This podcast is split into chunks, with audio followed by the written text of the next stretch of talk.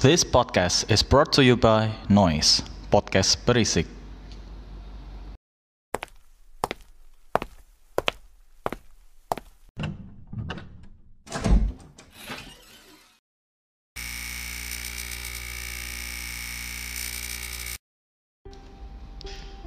Masyarakat Yunani kuno menyukai musik dan menjadikan musik sebagai bagian penting dalam hidup mereka.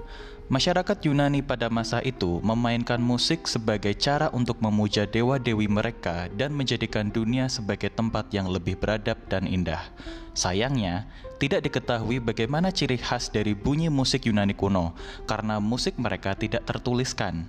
Padahal, banyak istilah musik masa kini yang berasal dari bahasa Yunani, seperti misalnya kata musik sendiri yang berasal dari kata musai, ritme dari kata ritmos, dan melodi dari kata melos dalam bahasa Yunani. Lalu bagaimana masyarakat Yunani kuno memaknai musik? Siapakah dewa-dewi yang memiliki personifikasi musik?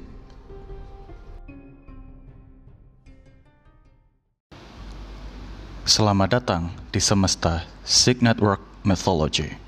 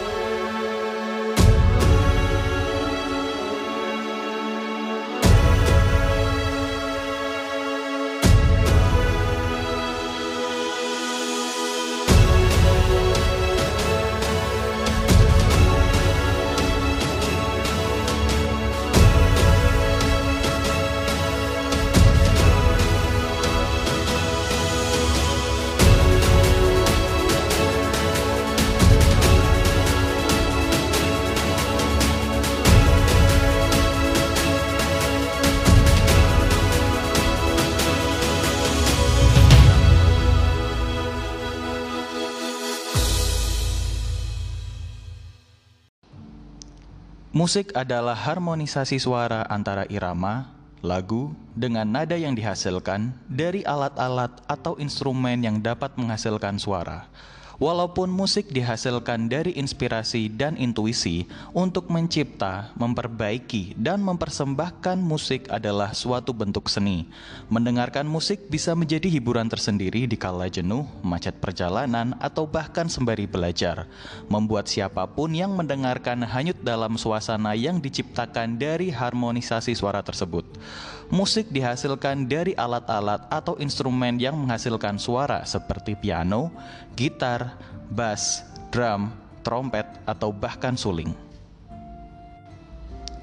Musik dikenal sejak kehadiran manusia modern yaitu Homo sapiens atau sekitar 100.000 sampai 180.000 tahun yang lalu.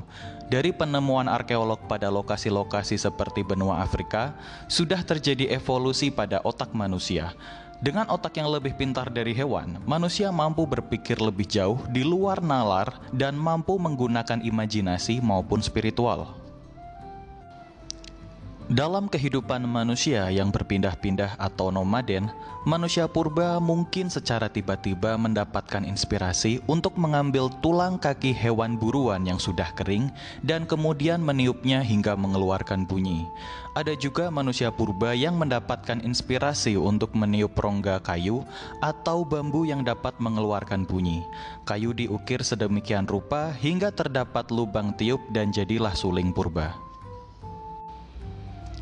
Manusia menyatakan perasaan takut dan gembira dengan menggunakan suara-suara. Manusia bermain dengan suara, lalu menciptakan lagu, himne, atau syair nyanyian kecil yang terinspirasi dari kicauan burung. Kayu-kayu dan batuan keras dipukul untuk mengeluarkan bunyi dan irama yang mengasyikkan. Mungkin secara tidak sengaja manusia telah mengetuk batang pohon yang berongga dengan batang kayu yang mengeluarkan bunyi yang keras.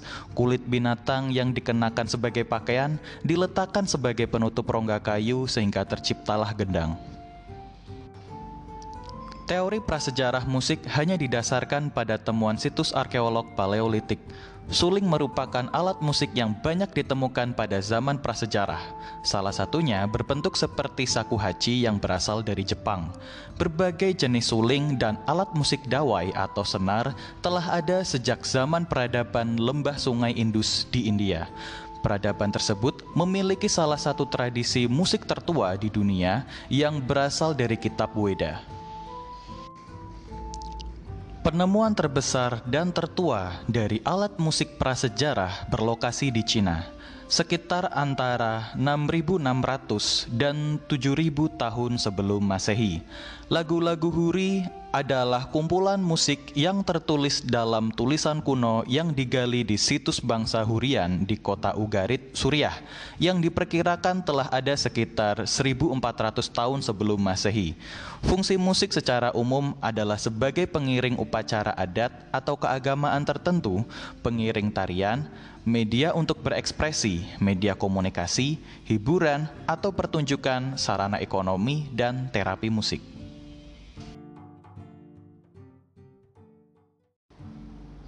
Terapi musik adalah proses interpersonal yang menggunakan media musik sebagai terapi fisik, emosional, mental, sosial, estetika, dan spiritual untuk membantu dalam meningkatkan atau mempertahankan kesehatan. Terapi musik ini bisa digunakan untuk segala usia dan berbagai kondisi, termasuk untuk gangguan kejiwaan, gangguan sensorik, gangguan komunikasi, cacat fisik, cacat perkembangan, penyalahgunaan zat, masalah interpersonal, maupun untuk orang-orang yang berada dalam proses penuaan. Terapi ini juga digunakan untuk meningkatkan konsentrasi belajar, mengurangi stres, mendukung latihan fisik, dan memfasilitasi sejumlah aktivitas lainnya yang berhubungan dengan kesehatan.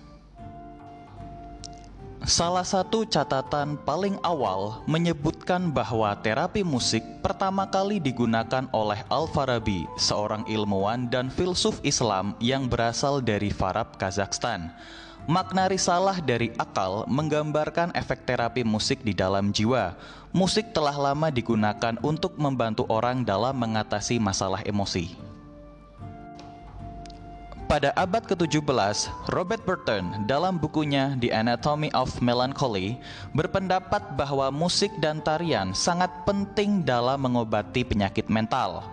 Dalam catatan Robert Burton disebutkan bahwa musik memiliki kekuatan yang sangat besar untuk mengusir penyakit dalam tanda kutip dan menyebut musik sebagai obat sangat ampuh dalam melawan keputusasaan dan melankolis dalam tanda kutip.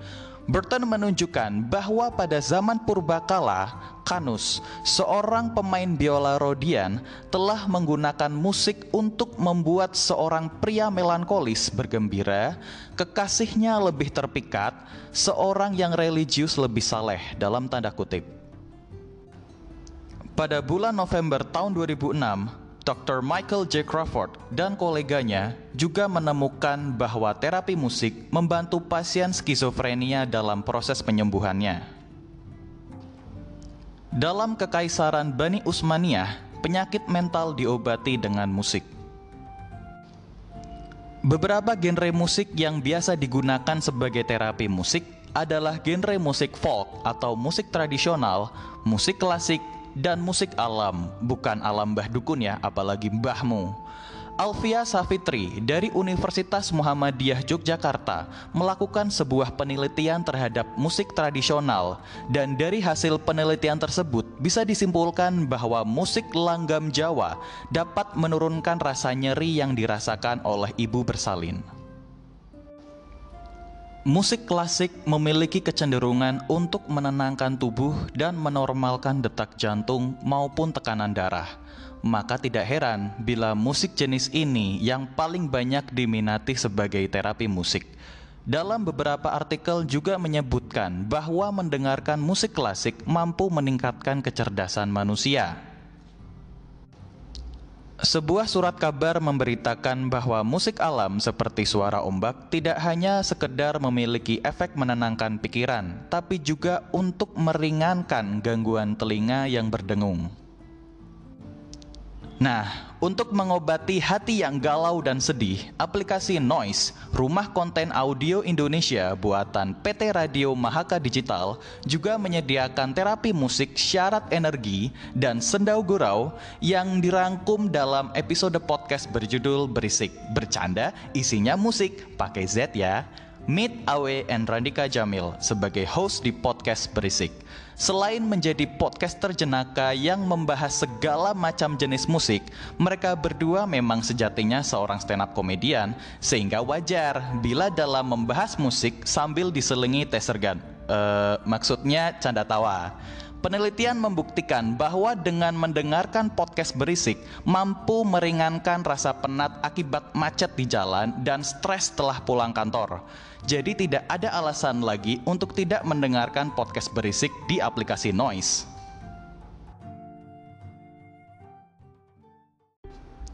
Dalam mitologi Yunani menyebutkan bahwa alat musik Yunani kuno antara lain siring, sejenis instrumen musik yang memiliki lubang seperti recorder atau suling, lira, sejenis instrumen musik berdawai seperti gitar, kemudian ada drum dan simbal. Masyarakat Yunani kuno memainkan musik ketika memuja Dionysus, dewa anggur dan pesta. Menurut mitologi Yunani, lira diciptakan dari cangkang kura-kura oleh dewa Hermes ketika bayi dan memberikannya kepada dewa Apollo, dewa akal dan logika, di mana masyarakat Yunani menganggap musik sebagai ekspresi dari keberaturan dan pola yang indah. Lira dimainkan untuk menghasilkan musik yang lebih lembut dan tenang. Penggambaran orang yang bermain musik sering ditampilkan pada lukisan Gucci sebagai artefak warisan budaya bangsa Yunani. Dalam guci tersebut digambarkan anak laki-laki biasanya diajari cara memainkan lira dan bernyanyi di sekolah. Sementara anak perempuan belajar memainkan alat musik di rumah karena tidak boleh bersekolah. Namun penggambaran perempuan yang sedang bermain musik pada lukisan guci sepertinya adalah para budak yang bertugas menghibur di pesta-pesta. Pria Yunani sering kali berkompetisi dalam kontes musik di mana setiap kota menyelenggarakan lombanya sendiri. Tapi ada juga kompetisi besar seperti Olimpiade untuk memuja Dewa Zeus, pemimpin 12 dewa Yunani, atau pesta olahraga Fitia untuk memuja Dewa Apollo di mana para pria dari seluruh penjuru Yunani berkumpul untuk bersaing.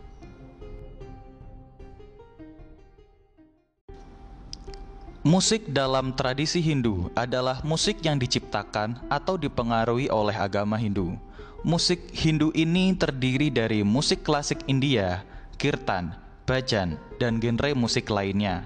Secara tradisional, musik klasik India didasarkan pada ragas dan tala atau pola irama dan ritme yang dimainkan pada alat musik tradisional India bernama vina atau bin, sarangi venu atau suling, dan merindanga atau tabla. Kitab Sikh memuat 31 ragas dan 17 talas yang menjadi dasar komposisi musik kirtan. Musik kirtan adalah musik yang berisi nyanyian mantra yang diiringi oleh instrumen musik dan tarian, di mana kirtan sendiri berakar dalam tradisi kitab Weda. Musik bajan adalah lagu renungan Hindu yang merupakan lagu sederhana dalam bahasa liris untuk mengekspresikan emosi dan cinta kepada satu dewa atau dewi atau sejumlah dewa atau dewi banyak musik bajan yang menampilkan beberapa nama dan aspek dewa atau dewi yang dipilih, terutama dalam kasus Sahasranama Hindu yang mencantumkan 1008 nama dewa atau dewi. Musik bajan harus dinyanyikan dengan bakti atau pengabdian penuh kasih. Rasanam, Laksanam, Bajanam yang memiliki arti tindakan yang membuat kita merasa lebih dekat dengan diri kita sendiri atau Tuhan adalah seorang bajan. Musik bajan yang paling umum di India Utara adalah Om Jai Jagdish Hari dengan nama-nama dewa yang dinyanyikan secara religius seperti Dewa Wisnu beserta avatarnya, Dewa Siwa beserta dewi-dewinya seperti Parvati, Sakti, dan Vaishno Devi. Pemeluk agama Hindu bahkan dikatakan telah mencapai moksa setelah melalui pengabdian musik kepada dewa atau dewi.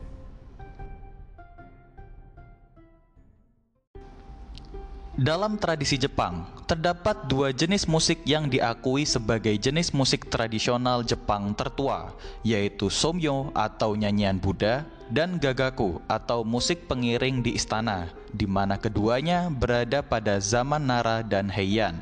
Pada awal abad ke-13, seorang imam Buddha beraliran Mahayana membuat single bernama Honkyoku dari alat musik shakuhachi. Imam ini disebut komuso atau biksu, memainkan Honkyoku untuk sedekah dan pencerahan, meskipun sekarang musik ini sering dimainkan dalam konser. Para samurai sering mendengarkan dan memainkan musik sebagai praktik memperkaya hidup dan pemahaman. Tersebutlah Benzaiten, Dewi Musik, Pengetahuan, dan Air, yang merupakan nama Jepang untuk Dewi Saraswati dalam kepercayaan Hindu. Pemujaan kepada Benzaiten hadir di Jepang selama abad ke-6 hingga ke-8, terutama setelah adanya terjemahan Golden Lake Sutra dari bahasa Tionghoa yang terdapat pembahasan mengenai Benzaiten. Benzaiten juga disebut dalam Lotus Sutra dan sering digambarkan memegang biwa, semacam alat musik kecapi tradisional Jepang. Berbeda dengan Saraswati yang memegang alat musik petik yang dikenal dengan nama Vina.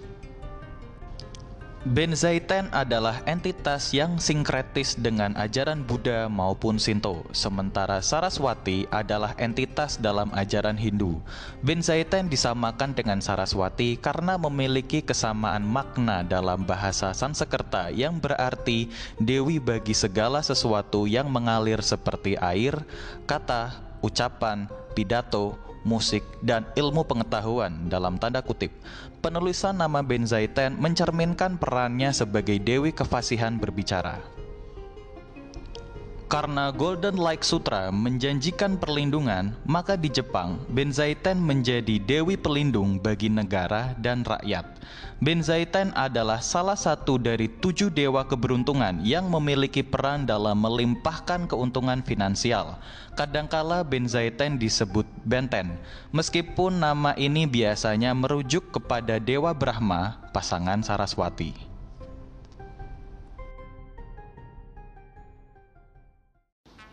Episode podcast ini dibuat tanpa memungut biaya atau tanpa promosi berbayar dari pihak podcast berisik ataupun noise.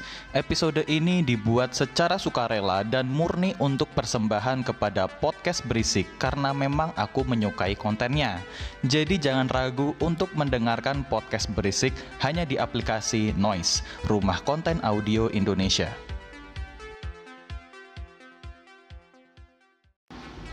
Jangan lupa untuk mendengarkan episode podcast Sig Network Mythology setiap hari Sabtu di aplikasi Noise, Rumah Konten Audio Indonesia. Apabila kalian memiliki ide ataupun saran untuk episode podcast Sig Network Mythology selanjutnya, email saja ke sig.aegis@gmail.com dengan subjek ide untuk podcast mitologi. Ide terbaik akan dijadikan bahasan di episode selanjutnya. Special thanks to Awe and Randika Jamil from Podcast Berisik, Arnold Lukito, and also Noise.